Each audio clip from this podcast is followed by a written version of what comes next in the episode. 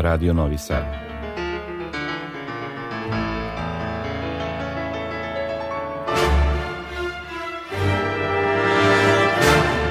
Domaća muzička scena.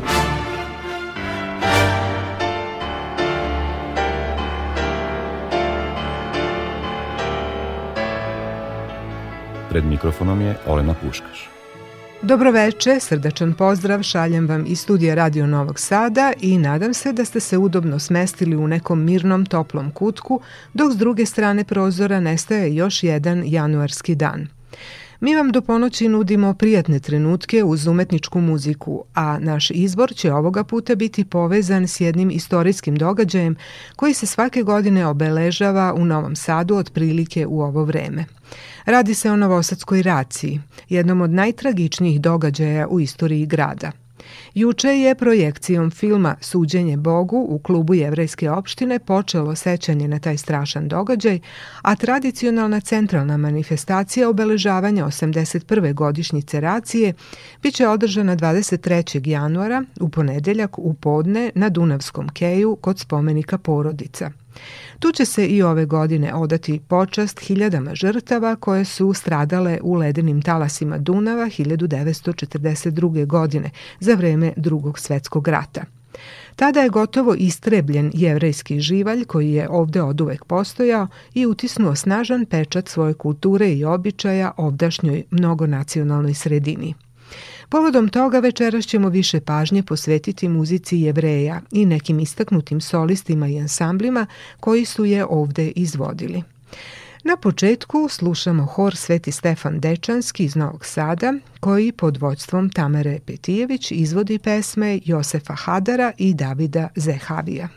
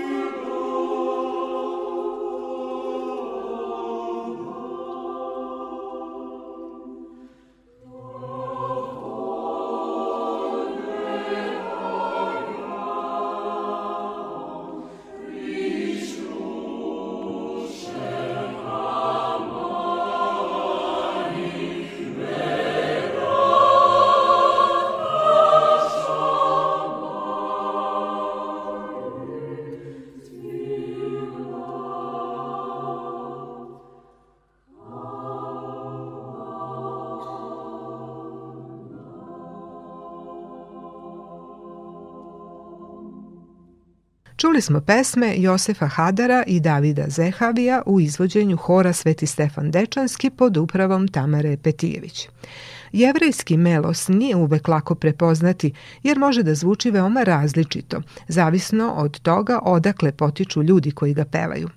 Kakva je zapravo danas jevrejska muzika, koje su njene karakteristike i koje utice ona sadrži, slikovito objašnjava predsjednik Novosadske jevrejske opštine i član hora Hašira Mirko Štark. Pre svega jevrejska muzika je danas, dakle ono što danas zovemo jevrejskom muzikom, je jedan, jedan miks svih svetskih muzika. Jevreji su tokom rasejanja 2000 godišnjeg, živeći u raznim zajednicama, poprimili različite kulturne utice, pa i muzičke. I vi danas u jevrejskoj muzici možete da čujete i ruski štim, i španski, i, i francuski. Dakle, svi uticaj tu postoje i to je jedan od razloga zašto je jevrejska muzika toliko bogata i raznovrsna. Nije jednolična kao što je većina crkvenih muzika u svetu, bez obzira koja je religija u pitanju, ima, da kažemo, jedan, jedan uh, prilično homogen karakter i jevrejska muzika ima tu to neko bogatstvo različitosti koje se osjeća i koje nas u stvari se zajedno drži tolike godine na okupu.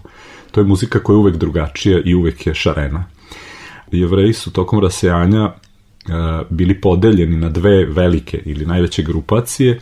Jedna su aškenaski jevreji koji su iz tadašnje Palestine E, pobegli prema istoku i preko tadašnje Rusije završili u Evropi, sve do Velike Britanije, dakle Poljska, Nemačka, Rusija naravno, ovaj, Francuska i tako dalje, i druga grupacija koja je e, otišla iz Palestine prema zapadu, pa e, kroz severnoafričke zemlje e, dospela u Španiju. Tamo su živjeli 500 godina, dok ih nije prognala jedna dinastija koja je tada došla na vlast, Uglavnom, ta grupacija e, jevreja koja je živjela u Španiji danas se zovu sefardski jevreji. Oni su poprimili puno uticaja španske kulture, pa i muzike, tako da ta muzika po mnogo čemu, i jezik, oni imaju svoj jezik koji se zove ladino, koji u mnogome liči na španski i muzika sefardskih jevreja je specifična, drugačija, liči na špansko, ima puno gitare, jezik liči na španski i oni su kada su prognani Španije krenuli uglavnom deo prema severu, prema Francuskoj, dobar deo je otišao prema istoku i oni su se zadržavali tokom puta, deo njih, deo njih je ovaj, završio u Sarajevu. E, najveća deo u Makedoniji, najveća sefardska zajednica u ovom delu Evrope u Solunu i danas. A aškenaski jevreji su tokom uh, holokausta bežali iz Nemačke, deo završio naravno u Americi, deo u zapadnoj Evropi, deo ovaj, i u našim krajevima. Tako da te dve velike grupacije, pored toga što su naravno uh, izvorno jevrejske, imaju dosta razlika. Arhitektura sinagoga se razlikuju, neki običaj religiozni se razlikuju, muzika se razlikuje. Međutim, to je i dalje, naravno, jevrejska muzika i mi pokušavamo, bez obzira što je ovde u našim krajevima, dakle u Vojvodini pre svega, najveći deo jevrejskog stanovništva aškenaskog porekla, dakle mi negujemo naravno tu vrstu muzike, Aškenazi imaju takođe svoj jezik koji se zove jidiš, koji nažalost izumire. Isak Beševi Singer je jedan od poslednjih književnika koji je pisao znači, na, na jidišu.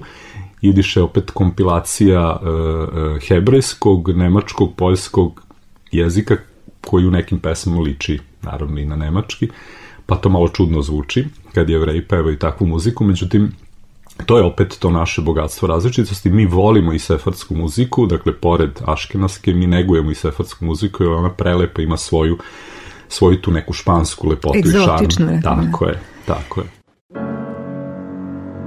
La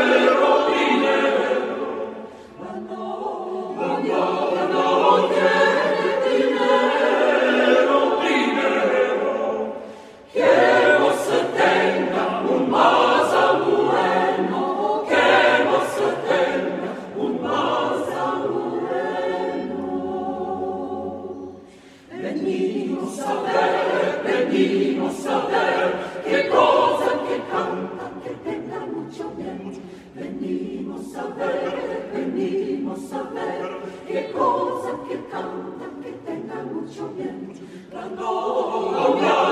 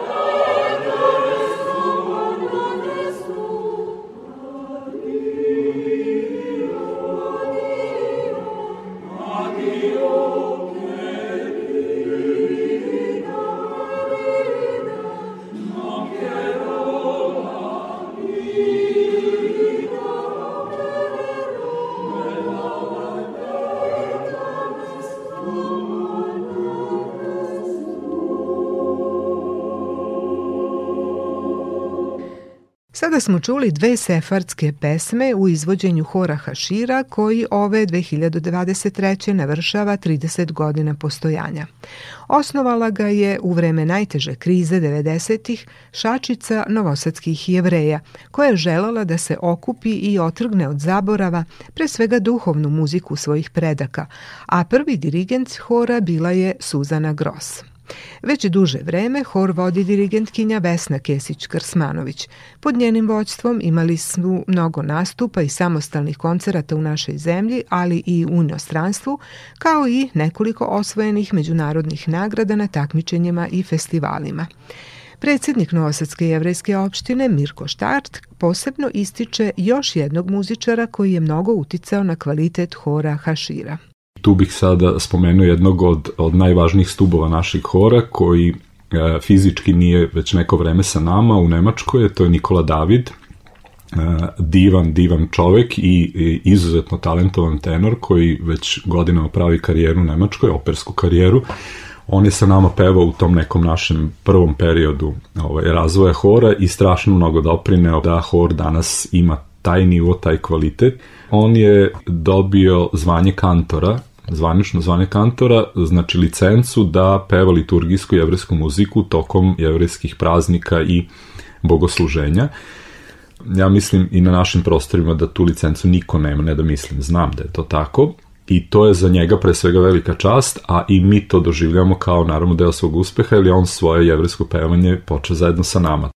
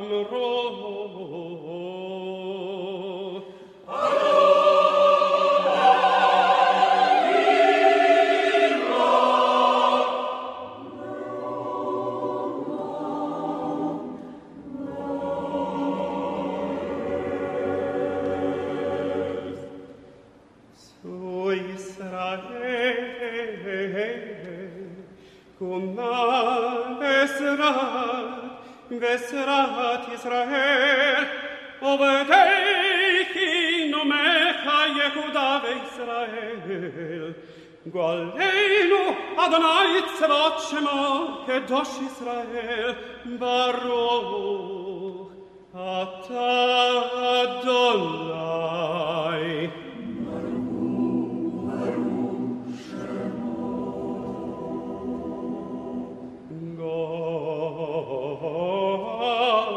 Israel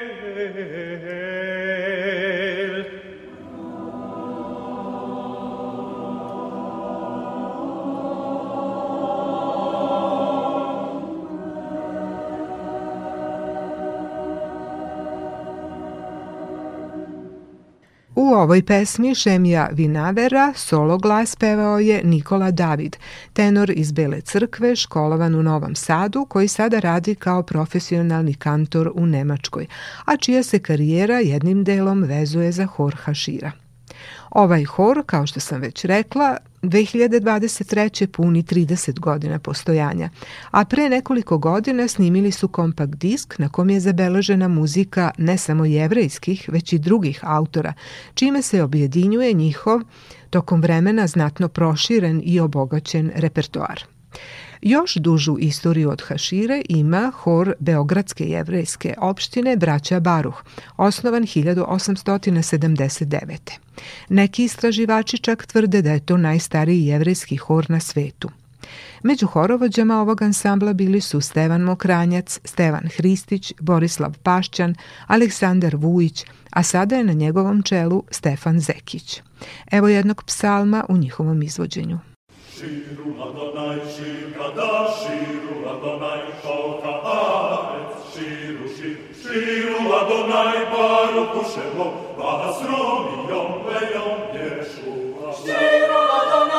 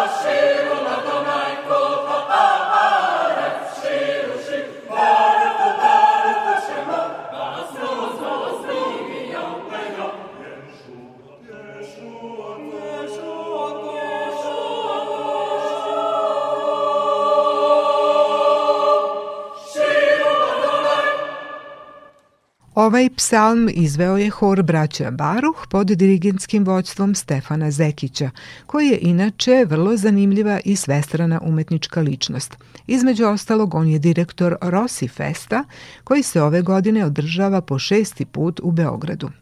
Misija ovog festivala je da na komunikativan i kreativan način, a na visokom umetničkom i naučno-istraživačkom nivou, predstavlja relevantna dela istorije muzike putem radionica, predavanja, tribina i koncerata, kao i da postiče stvaranja novih muzičkih dela i interkulturalni dijalog u muzici.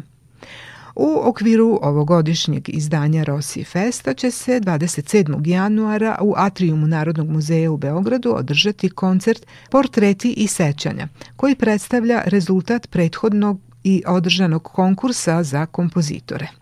Tema na koju su kompozitori pozvani da pišu se odnosi na očuvanje sećanja na žrtve holokausta, kao i na odavanje počasti onima koji su mu se suprotstavili. Na konkursu je odabrano pet kompozitora iz Srbije, Severne Makedonije, Sjedinjenih američkih država i Izraela, čija su dela inspirisana istorijskim, literarnim i drugim izvorima, kao i zapisima ličnih sećanja koja govore o pojedincima, delima i događajima tokom drugog svetskog rata, a posebna prednost je data pismima Hilde Dajče. Sva dela će izvoditi trio Aratos koji ćemo slušati u nastavku, u odlomku iz Serenade za violinu, klarinet i klavir Petera Šikelea.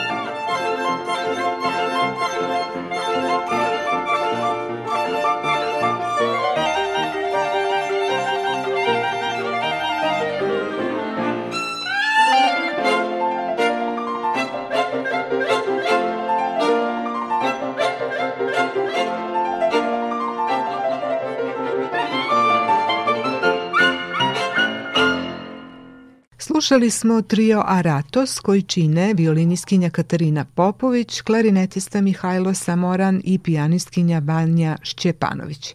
Oni će 27. januara na koncertu Portreti i sećanja u okviru Rossi Festa u Beogradu izvoditi nova dela napisana na temu stradanja u holokaustu i pisama Hilde Dajče. U emisiji Domaća muzička scena večeras posebnu pažnju poklanjamo jevrejskoj muzici, a nju u Novom Sadu s vremena na vreme izvode razni solisti i ansambli. Među njima je bio i jedan od najpoznatijih svetskih klezmer sastava, U pitanju je kvartet Bester iz Poljske, čiji su članovi Jaroslav Bester, koji je većinom autor muzike koju izvode, a takođe i svira na harmonici, zatim Jaroslav Tirala, violina, Oleg Dijak, klarinet i udaraljke i Nikolaj Pospješalski, kontrabas. Pre nego što čujemo nekoliko tačaka zabeleženih na njihovom koncertu u Novom Sadu, evo objašnjenja šta je to klezmer muzika. To slikovito objašnjava klarinetista Leon Kajon, inače vođa jedinog novosadskog klezmer benda Kolšer Kfir. Klezmer u prevodu znači muzičar ili muzikant, ali ne u pogrdnom smislu, jer su klezmeri bili ljudi koji su svirali muziku e, recimo samouki ili priučeni ili obrazovani pak e, u svojim kućama, grupno, tu su bili prisutni instrumenti, ko je šta dohvatio kao mali, ko je šta naučio, svirali su, svirali su tradicionalne melodije, vesele, najčešće su to uh, svirali su i duhovne melodije, to je izašlo kao jedna, kao jedna aktivnost humanistička, da tako kažem, potreba je ljudska da se izrazi kroz nešto, kroz muziku.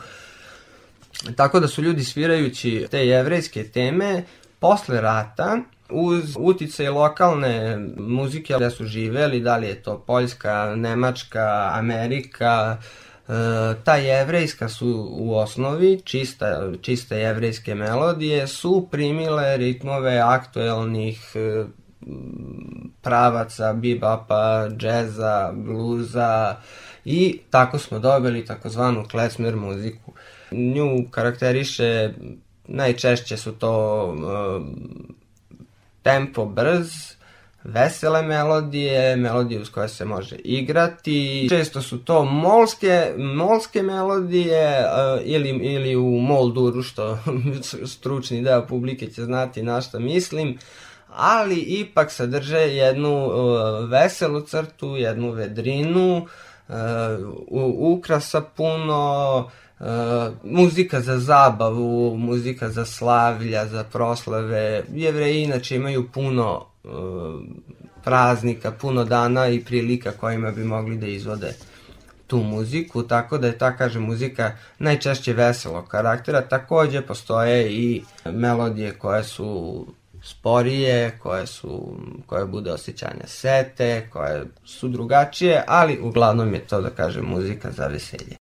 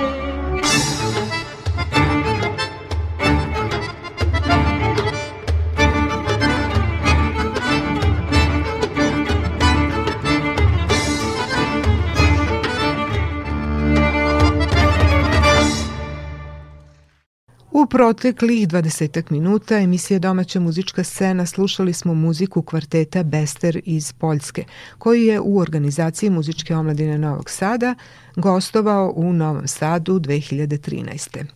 Kao što sam već rekla na početku, U ponedeljak 23. januara će se na Novosadskom keju održati pomer žrtvama racije u drugom svetskom ratu.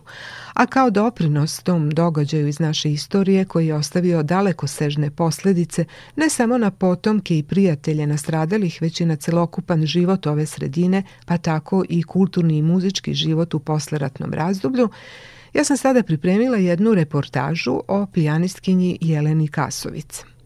Ona je rođena u Subotici 1906. a 1928. diplomirala je na Muzičkoj akademiji u Beču u klasi profesora Weingartnera. Zatim se vratila u Novi Sad i to je, tu je do 1941. imala privatnu muzičku školu. U strahotama ratnog vihora izgubila je celu porodicu i sama je bila u logoru, a posle tog bolnog životnog iskustva dostojanstveno se vratila muzici, klaviru i svom pozivu profesora.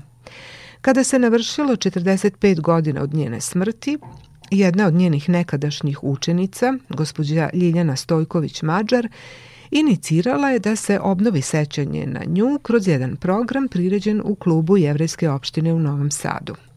Pre nego što čujemo kako je ona objasnila svoj lični poriv za tu inicijativu, poslušat ćemo jednu autentičnu interpretaciju Jelene Kasovic napravljenu u studiju Radio Novog Sada 1962.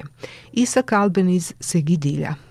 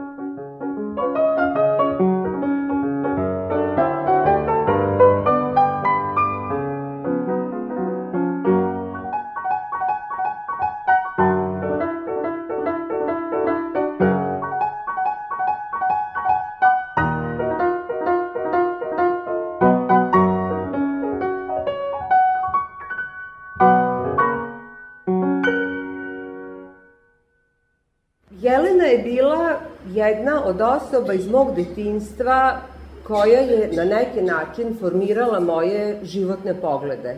svako od vas ima takve osobe koje su toliko svetle i koje, e, kako vreme prolazi, postaju sve, sve svetlije i sve značajnije. I onda kada pomislim da je ona toliko dece usrećila u životu, a da nema ni grobno mesto koje je obeleženo, prosto mislim da je to nešto što se mora uraditi, da ja neću otići mirno sa ovog sveta dok i tu stvar nekako ne završim. I tako je ta cela priča krenula. I eto i ovo veče je i čitava, ovaj, čitava ova moja ideja je u stvari jedan, uh, jedan deo onoga što ona mene naučila.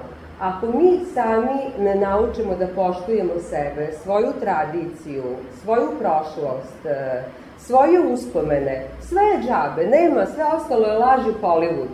Ovo je ono što je istina i ja mislim da sam eto na ovaj način neki mali doprinos dala da se uh, na neki način oživi uh, i lik i delo Jelene Kasovic. Bila bih najsrećnija kada bi njeno grobno mesto bilo obeleženo i kada bi postao neki mali muzički memorijal koji bi nosio po njoj ime, smatram da je ona dala uh, veliki doprinos ovom gradu i da je ona jedna veoma značajna novosađanka koja zaslužuje da ima, da ima značajno mesto da njeno ime bude obeleženo, da se zna ko ona, da to su generacije i generacije dese koje je ona e, ne naučila muzici, koje je ona naučila važnim životnim lekcijama.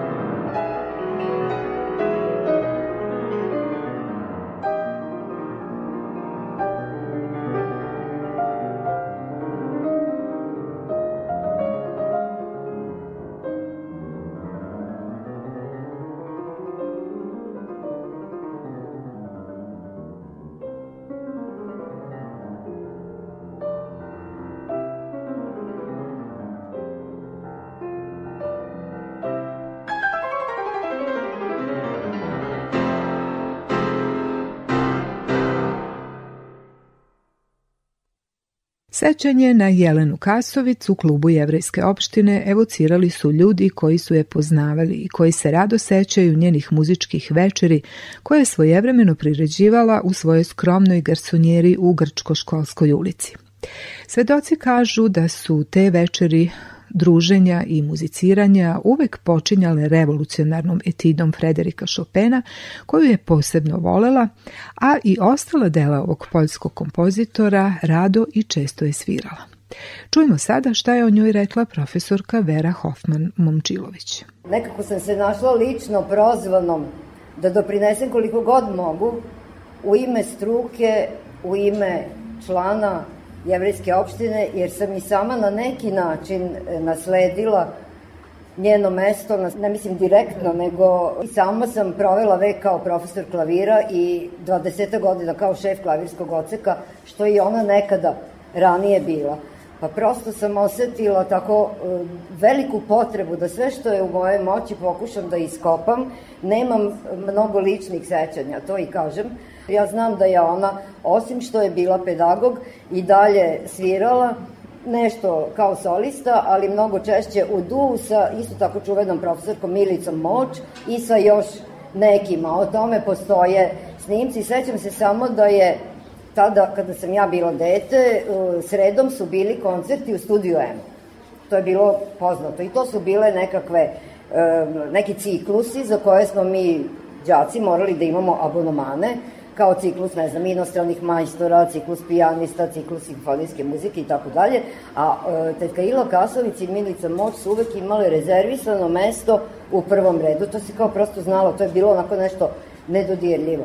Tako da je za mene to ime je na neki način legenda muzičke škole Isidor Bajić, E, muzička škola je osnovana ranije, 1909. Njen osnivač jeste Isidor Bajić, zato po njemu i nosi ime, ali posle rata, drugog svetskog rata, kada je ponovo osnivana, reosnivana škola i kada su ljudi učinili da postane državna institucija, jedan od prvih pedagoga bila je naša tetka Ila Kasović. Zahvaljujem se u ime struke, u ime muzičke škole, u ime svih profesora klavira za koje mislim da i dan danas postoje i rade sa istim tim entuzijazmom je prosto biti profesor klavira, znači na neki način uticati na emotivni, na duhovni razvoj jednog malog bića kojeg podižete od detinstva pa do e, neke, nekog zrelog doba i da u suštini nije toliko važno da vam deca postanu ta deca, učenici, profesionalci,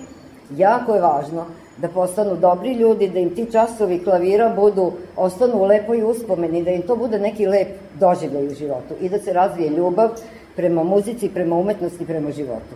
Ja mislim da i dan danas postoje takvi profesori koji to sa velikim entuzijazmom rade.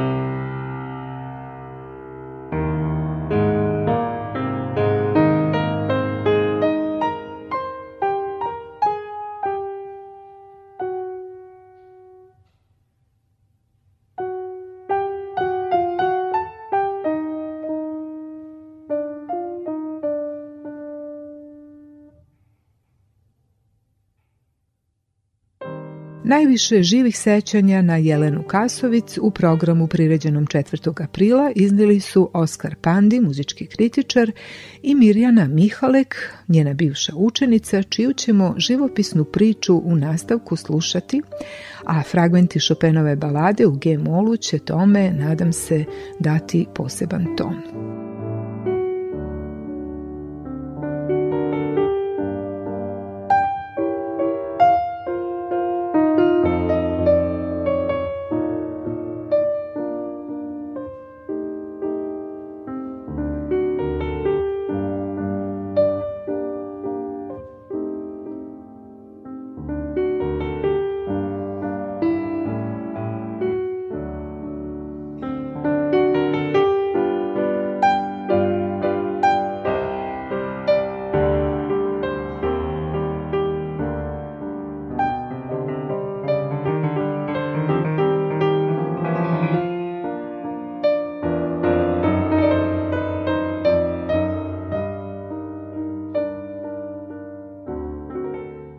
Pored Chopina koja je tako pri, htela da prikaže kad je htela neku razonudu da daje, ona je mnogo jedan ozbiljan program imala, a prilika je bila ta jer je nekada pre muzičke omladine, današnje koncertne poslovnice, postojalo društvo ljubitelja muzike.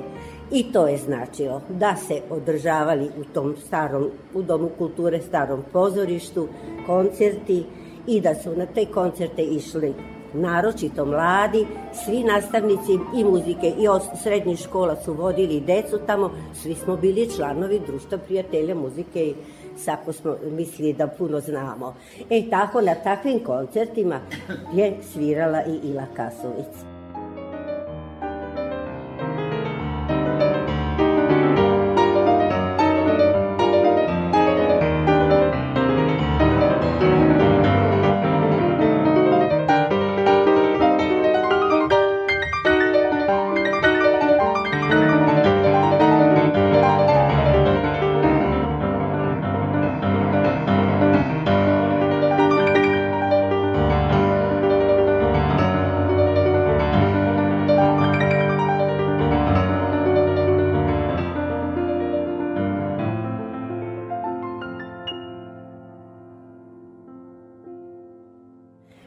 Škola je počela da radi u februaru 1945. godine.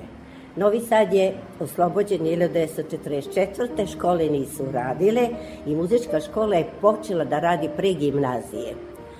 Pošto sam odrasla u porodici mog oca koji je bio učitelj, a ujedno i nastavnik muzike, horovođa, bavio se muzikom i duhovnom u pravoslavnim crkvama bio pojac jer je to se to je bilo neophodno za sve učitelje koji su u onoj nekadašnjoj preparandiji u Somboru naučili, e, bili učenici.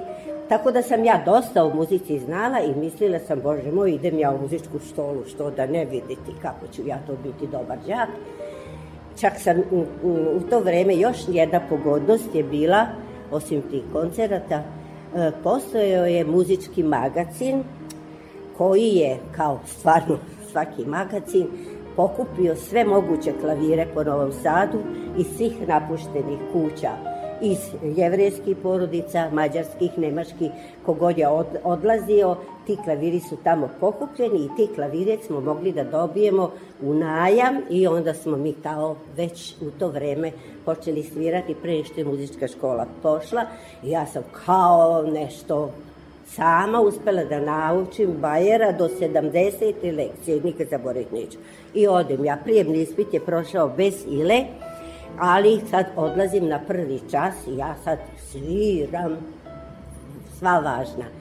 A onda ona sakrila je smešak, nije htela da mi se ruga, ali je onda mi objasnila da se ne može tako svirati, nego da je tu potrebno postaviti ruku i tako dalje.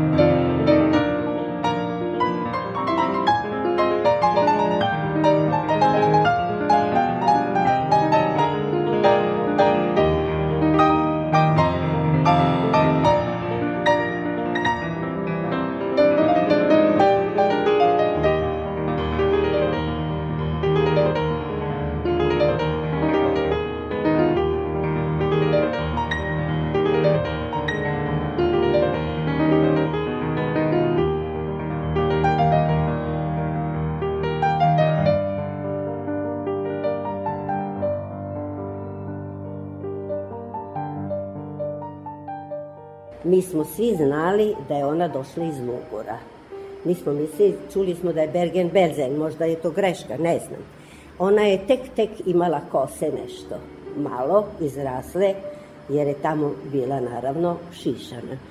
Ali nikada o tim teškim momentima koje je preživela nije pričala i kako sam sad čula, uvek nam je unosila tako puno tog ovaj, entuzijazma i ohrabrivala nas je. Ja sam već 15 godina imala, znate šta znači početi svirati sa 15 godina? Pre, prerasle smo, ali smo imale želju veliku. Za nas je to bilo nešto velika stvar. Iako mi nismo išli da učimo samo klavir, mi smo trebali da postanemo nastavnice muzike u redovnoj školi. Klavir je bio samo jedan od predmeta, ali nas je tako zaokupio zahvaljujući takvom odnosu naše drage profesorke. Mi smo nju znali samo kao gospođa Lampel. Ona je tada bila gospođa Lampel jer u to vreme je bila u braku sa gospodinom Lampelom. No kasnije tek e, je uzela i jedno i drugo prezime izvesno vreme, a tek, tek, tek kasnije je postala nama naša tetka Ila.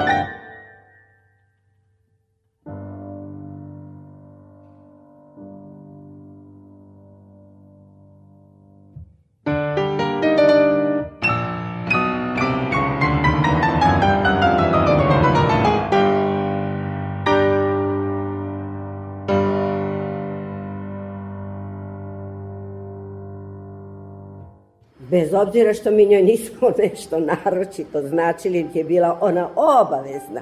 Ne, njoj je bilo zadovoljstvo da mi dođemo kod nje u stan, da ona malo nama svira, onda mi svoje zadatke, dušno nas je popravljala, učili koliko smo mi bili sposobne, jesmo, jer smo se jako trudile.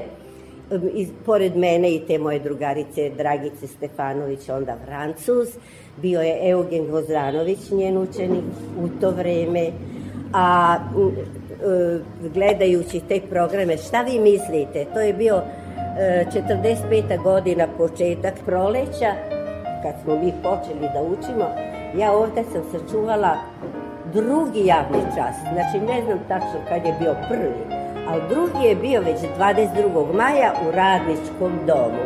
I onda smo svi slušali Pored toga, ponekad su i kolege dolazile, volela se družiti sa Dušanom Ilinom, on je bio violinista i oni su zajedno svirali. Naravno i Dušan Stular, tadašnji direktor i nju cenio. Samo da vam naglasim, to nije bilo muzička škola Isidor Bajić, nego državna muzička škola.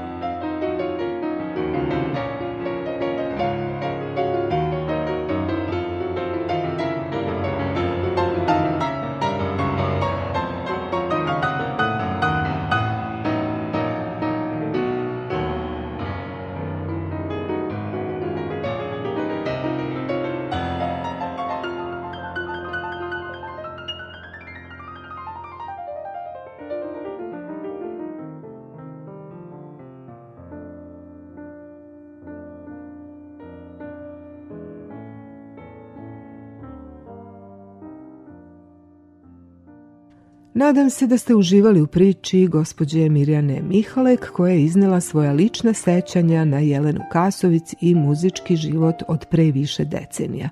Tu priču Većim delom pratila je muzika balade u G-molu Frederika Chopina u izvođenju pijanistkinje Iris Kobal, a u nastavku emisije Domaća muzička scena slušamo i njeno izvođenje četvrte Chopinove balade u F-molu, snimljeno na koncertu u sali Gradske kuće 2008.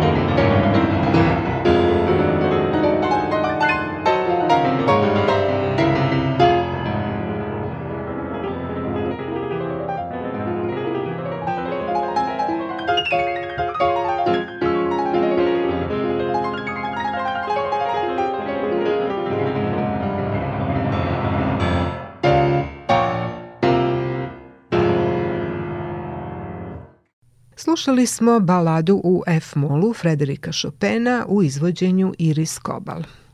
A vreme koje nam je preostalo do ponoći, kada se završava emisija Domaća muzička scena, izdvojili smo za slušanje jednog izuzetnog vokalno-instrumentalnog dela, rekvijema francuskog kompozitora Gabriela Forea.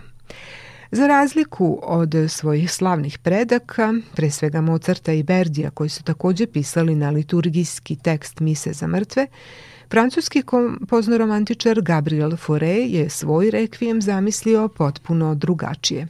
Bez uobičajene dramatike, bez prikaza ljudske borbe sa neminovnošću, bez tragova emocija kao što su strah ili bes. Ovaj rekvijem tokom svih sedam delova protiče u mirnoj, uzvišenoj, meditativnoj atmosferi pomirenja i praštanja. Kompozitor je namerno izostavio stav dies ire i umesto njega ubacio nežnu sopransku ariju Pije Jezu, a Sanctus, koji su njegovi prethodnici obično akcentovali u živahnom polifonom pokretu, kod njega je sasvim suprotan. Kritičari su mu zamerali da je napisao uspavanku za smrt, ali je Fore to objasnio sledećim rečima.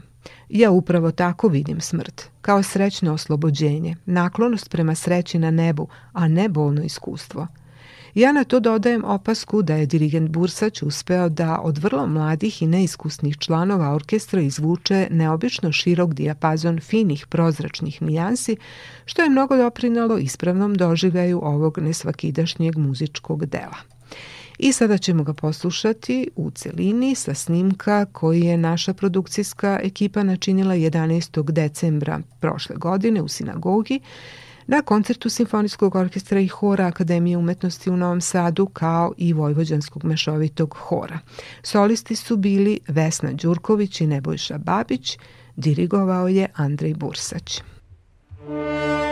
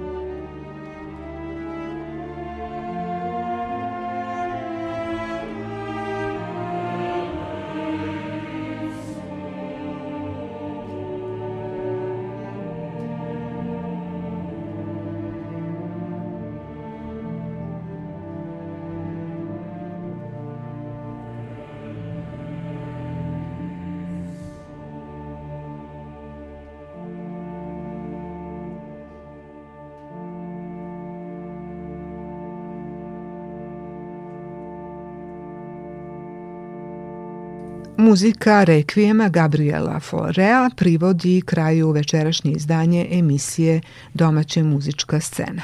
Meni ostaje samo da se pozdravimo. Ton majstor je bila Violeta Marković, ja sam Olena Puškaš.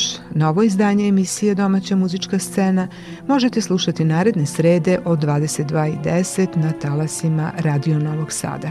Do tada želimo vam svako dobro.